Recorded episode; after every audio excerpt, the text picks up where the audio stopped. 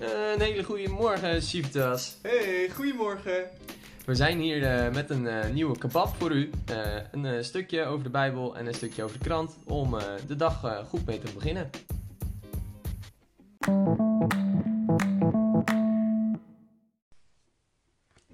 Oké Johan, tijd voor een stukje krant. Ehm, ik heb weer iets leuks voor ons uitgekozen. Uit uit de NRC, dit keer uit de rubriek Economie. Ehm, laten we beginnen met een vraag. Ehm, weet je wie Jeff Bezos is? Ja, die ken ik al.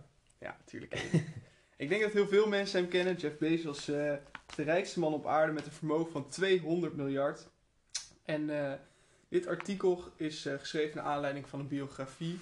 Het is een interview met de schrijver van die biografie. Ehm, en eigenlijk gaat het over de verandering die Jeff Bezos maakte van slonsige techneut naar ja, een Hollywoodster, zou je misschien wel kunnen zeggen. Nou goed, we gaan, eh, we gaan gewoon even wat dingen lezen. Kijken of we ja, wat we kunnen leren van eh, deze toch wel interessante man, denk ik. Ja. De kop is, en dan krijg je plots een woedende e-mail van Jeff Bezos. Ehm, ik lees een aantal vragen uit het interview voor. De eerste is, hoe zou u Jeff Bezos omschrijven? Stone denkt 10 seconden na. Als extreem gedreven, innovatief, vooruitstrevend, meedogenloze bouwer van technische producten en bedrijven. Amazon heeft online winkelen, de cloud en spraaktechnologie weliswaar niet uitgevonden, maar heeft het wel groot gemaakt. Daarmee heeft Jeff Bezos meer dan andere topbestuurders onze economie, economische realiteit veranderd. Ja, nou, daar blijkt denk ik al heel even uit eh, hoeveel invloed deze man heeft gehad. Eh, hier wordt een economische realiteit veranderd toegedicht. Dus dat is wel interessant. Ehm, nog een andere vraag die me opviel is deze. Eh, en dat is over hoe Jeff Bezos zijn bedrijf bestuurt. Bezos bemoeit zich overal mee.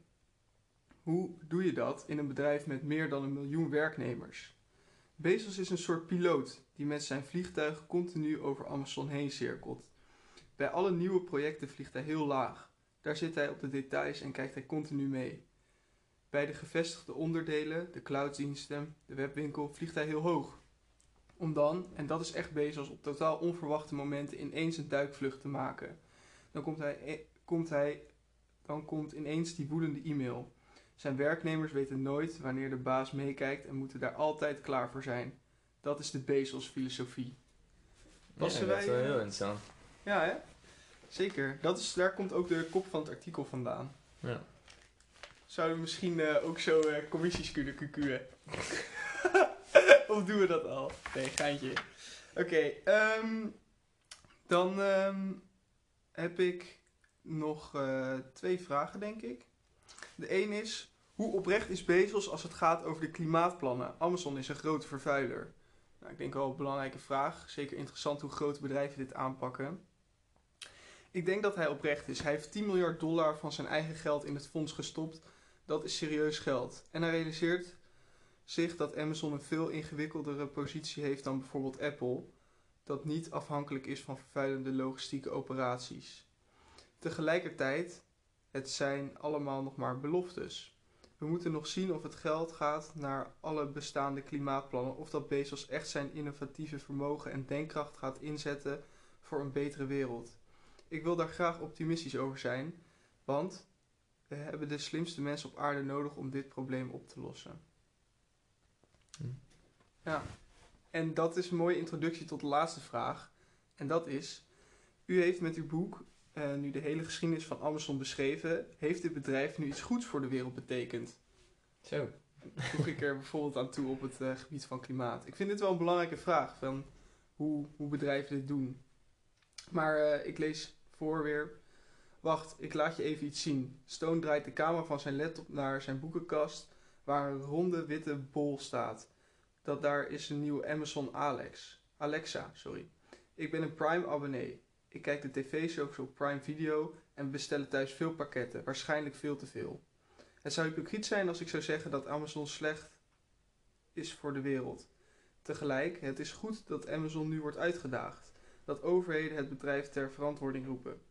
Dat werknemers zich verenigen voor betere arbeidsomstandigheden, dat journalisten zaken blootleggen die niet goed gaan. Zoals bij veel techbedrijven was het bij Amazon. We bouwen eerst, daarna kijken we wat de gevolgen zijn. Voor alles wat Amazon heeft gebracht, betalen we de prijs. Ja, dat eh, is de laatste vraag. Wat denk je ervan, Johan? Denk jij dat Amazon iets goeds heeft gebracht? En hoe denk je dat de schrijver afsluit? Want hij beantwoordt de vraag misschien. Hij beantwoordt de vraag niet met ja of nee. Oh, nee, dat is waar. Daar is hij goed onderuit gekomen. Ehm, ja, vanuit verschillende standpunten kijken we. Ja, we gebruiken het gewoon heel erg veel. Dus dan eh, heeft het wel wat, uh, wat goeds gebracht. Ehm, ja, dat is wel wat hij zegt. Ja. Uh, maar uiteindelijk, inderdaad, die, die instelling van we bouwen eerst, daarna kijken we wat de vervolgen zijn. Dat is misschien dan, zeg maar, wat niet zo goed zou zijn als, als je van tevoren al zou nadenken over of iets goede impact zou hebben of meer kan helpen dan zonder erover na te denken dan zou je al zeg maar, ja, misschien een kleiner bedrijf hebben dan wat het nu is, maar al wel veel meer de wereld geholpen hebben dan alleen op consumeren vlak. Ja, ja, ze vullen gewoon, wat ik me afvraag, zeg maar, nu is, ze vullen een soort van heel erg een behoefte, lijkt het. Ehm, maar een soort van wil ik eigenlijk, is dat wel een behoefte die uh, ik vervuld wil hebben of zo. Ze maken het leven wat makkelijker, denk ik. Dat is op zich wel positief. Ik heb misschien daardoor wat meer tijd, maar ja, een soort van. Uh, ik stond ook niet echt te wachten op hun producten en ze hebben niet per se een hele positieve invloed op mijn leven. Nee, het voorbeeld van Amazon Prime. Dan heb je zeg maar weer een streamingsdienst, terwijl die er al zijn. Dus dan is de vraag, ja, uh, dat helpt dan niet per se de wereld. Ja, uiteindelijk heb je iets meer series die je kan kijken. Maar dat zou je niet missen, omdat je met, ik denk dat Netflix het eerste was. Ja. Weet ik niet zeker. Maar dat je, heb je daar al zeg maar genoeg aan uh, je tijd gevuld. Dus dat zijn stappen waarin ze soort van extra geld willen verdienen, terwijl wij als wereld er eigenlijk al genoeg van hebben. Hm. Ja, ik zit wel te denken van dat drijft wel concurrentie en daardoor gaat de prijs omlaag. Dat wordt, het, wordt wel vaak voor meer mensen betaalbaar. Dus ik denk dat dat positief is. En ik had nog één andere gedachte. Ze geven ook een structuur voor andere ondernemers om hun producten te verkopen, zeg maar. Ze hoeven niet meer een eigen webwinkel op te zetten. En dat is soms positief, soms negatief. Maar ze faciliteren zeg maar wel een, een structuur waardoor uh, andere mensen weer bijvoorbeeld met creatieve bezigheden kunnen, verder kunnen gaan. Dus dan dragen ze misschien in dat opzicht niet echt bij aan een heel concrete verbetering, maar bieden ze wel een soort platform, een netwerk, hoe je het ook wil noemen, van waaruit weer andere mooie dingen kunnen gebeuren. Bijvoorbeeld omdat, mensen, omdat je mensen heel makkelijk kan bereiken via de post door iets op te sturen. Ja. Ja. Ja, dat zijn nog twee goede punten. Mooi. Oké, dan sluiten we hem daarmee af.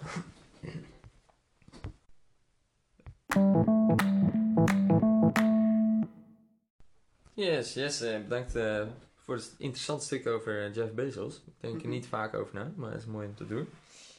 Ik uh, heb dit keer geen Bijbel bij me, maar oh. um, het Open Doors Magazine. ik krijg hem eigenlijk heel vaak opgestuurd, maar ik heb hem nog nooit niet vaak gelezen. maar ik vond wel echt een paar interessante stukken erin. het ging vooral in op Iran en dus de christenvervolging daar. Mm -hmm. Maar ik zal een stukje voorlezen van ja, over een interview met Joël Voordewind. Dat is een uh, Tweede Kamerlid van de ChristenUnie geweest voor 15 jaar. En nou, hij is daar uitgestapt en daar gaan we wat over lezen. Alright. Het heet Geloofsgenoten nog veel te laag op politieke agenda. Na 25 jaar, waarvan bijna 15 jaar als Tweede Kamerlid voor de ChristenUnie, vertrekt Joël Voordewind uit de politiek. Veelvuldig trok hij zich in die jaren het lot van vervolgde christenen en vluchtelingen aan. Wie zijn wij in ons rijke Westen om geen ruimte te maken in ons hart, in ons leven, in ons land, om iets van dat leed dat hun is aangedaan te kunnen verlichten? Dat is voor mij altijd een drijfveer geweest. Ik heb niet veel met links of met rechts, met conservatisme of met progressieve politiek. Het zijn de christelijke sociale idealen waar ik me als christen op baseer en gemotiveerd door word. Nou, ik vind het een mooi stukje over eh, hoe die dus eh, ja, altijd wel was bezig geweest met christenvervolging dus. Mhm. Ehm, en eh, later gaat hij dus in eh, op een van de vragen van de interviewer, ehm, waarin hij noemt hoe eh, ja, christenen eigenlijk de grootste groep zijn die vervolgd worden. En dat is vooral het punt wat mij, wat mij raakte. Van als, je, als vanuit de politiek dus meer gekeken wordt naar hoe groot de groep is van christenen die vervolgd worden, dan is het los van het christelijke een hele grote groep mensen die vervolgd worden. En waar wij misschien als ja, medemens eh, veel meer naar om moeten kijken. Eh, en hij noemt inderdaad dat nu eh, veel landen ingaan op hoe, de, hoe er met klimaat omgegaan wordt en dat Mhm. dat beter moet. Eh, Ja. Maar hij zegt niet dat dat niet moet natuurlijk, maar eh, dat er wel daarnaast nog veel meer focus kan zijn op, ehm, op hoe eh, landen, ja, andere landen Ja, op het rechte pad zetten ja. om mensenrechten en vervolging, of dus godsdienstvrijheid, eh, beter laten verlopen in dat land. Mhm. Ehm, dus ik, wil, ja, ik wilde jou nog vragen, eigenlijk. Mhm. Hoe kijk jij naar eh, christenvervolging? Denk jij daar veel, vaak over na? Ehm, nee, het is voor mij eigenlijk niet echt een realiteit of zo die ik eh, ervaren heb of waarvan ik denk dat ik iets mee moet. Ik krijg ook het open doorsblaadje vaak op mijn mat. Ik lees hem ook weinig. Ehm, ik denk dat we gewoon, eh, of dat ik, laat ik gewoon voor mezelf spreken, hier in Nederland aan zoveel vrede gewend ben geraakt dat ik sowieso misschien bijna een soort verdrukking van zeker religieuze godsdingen, een soort van eh, bijna niet kan voorstellen. Dus één, het is lastig in te leven en dan twee, is je wordt er gewoon weinig mee geconfronteerd. En daarmee eh, praat ik het niet goed, maar zo, eh, zo is het denk ik gewoon. Ja, nee, klopt. Dat, dat, ja, dat raakte me vooral toen ik toch dit blaadje een keer ging lezen. Dat zeg maar, deze, dit stuk is gewoon nog redelijk. Ja, het is niet vanuit een persoon geschreven die er eh, mee te maken heeft. Maar er stond nog een ander stuk eh, in. Dat heette Noodkreet uit het toilet. Ehm, ja, dat, die titel sprak me direct aan. Eh, maar toen ik het las, raakte het, raakte het me eigenlijk wel. Nou ja, eh, je krijgt inderdaad door dat er iets is gebeurd en je weet dat het over Oh ja, christenvervolging van, gaat. waarom het dus toilet? vanuit die gedachte Ja, van... oké, ja, check. Ehm, maar het gaat over een, eh, een vrouw in Iran die eh, tot geloof was gekomen door een droom waarin ze Jezus zag en hij zei: Volg mij. Ehm, nou, dat was een ondertitel eigenlijk en dat raakte me al. Maar later la- las ik inderdaad wat nou de titel, eh, wat op de titel terugkwam. En dat stukje zal ik ook even voorlezen. Het kopje heet Selfie. Sagar werd de kamer ingeroepen voor ondervraging. Een groep mannen keek haar aan. Een van hen filmde alles. Sagar was doodsbang. Toch probeerde ze zo kalm mogelijk te blijven. Ze had immers een kerk om voor te zorgen. Ze herinnerde, ze herinnerde zich wat ze geleerd hadden. Ze moest iemand van buiten laten weten wat er gebeurde en vragen om gebed en hulp. Aan de agent die er het vriendelijk- vriendelijkst uitzag, vroeg ze of ze even naar het toilet mocht. Daar pakte ze snel haar telefoon, maakte een selfie en verzond het naar de buitenwereld. Met de tekst: Bid alsjeblieft voor ons, onze kerk is binnengevallen. Snel verwijderde ze het bewijs van haar telefoon. Nou, dat vond ik. eh, Ja, eh, ik houd eh, bij dit stukje. Maar ja, dat eh, ja, het is sowieso echt bizar om nog voor te stellen. Maar wel echt mooi om te lezen. Dus ik vind echt. ik ga denken wel dat magazine vaker lezen om wel een soort van meer ervan te leren en te weten.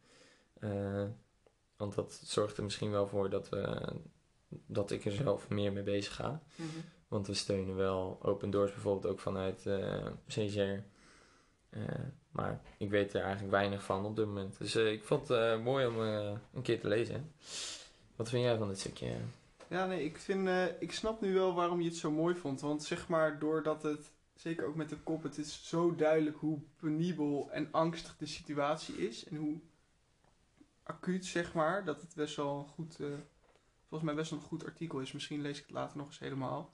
En ik vond ook nog wel mooi om te horen, zeg maar, hoe bewogen jij hierdoor was. Ik denk een soort van dat dat wel een van de dingen is die een mens echt wel goed maakt in sommige opzichten. Een soort van, doordat je zoveel empathie kan hebben voor die mensen en ze echt wil helpen. Ook zoals die gast van de ChristenUnie dat had. Dat is toch wel eh, bijzonder. Ja. Ja, mooi om eh, inderdaad meer mee te doen.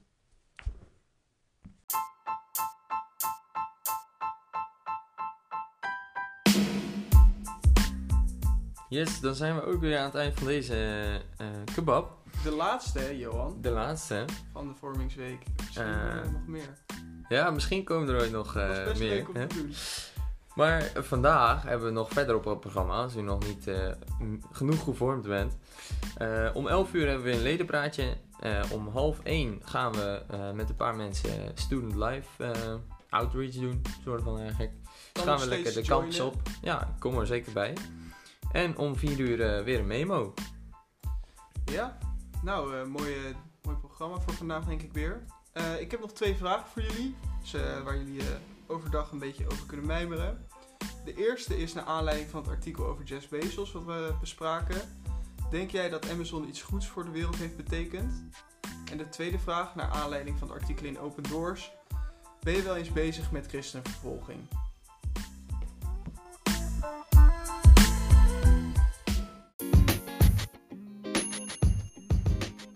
Tot morgen!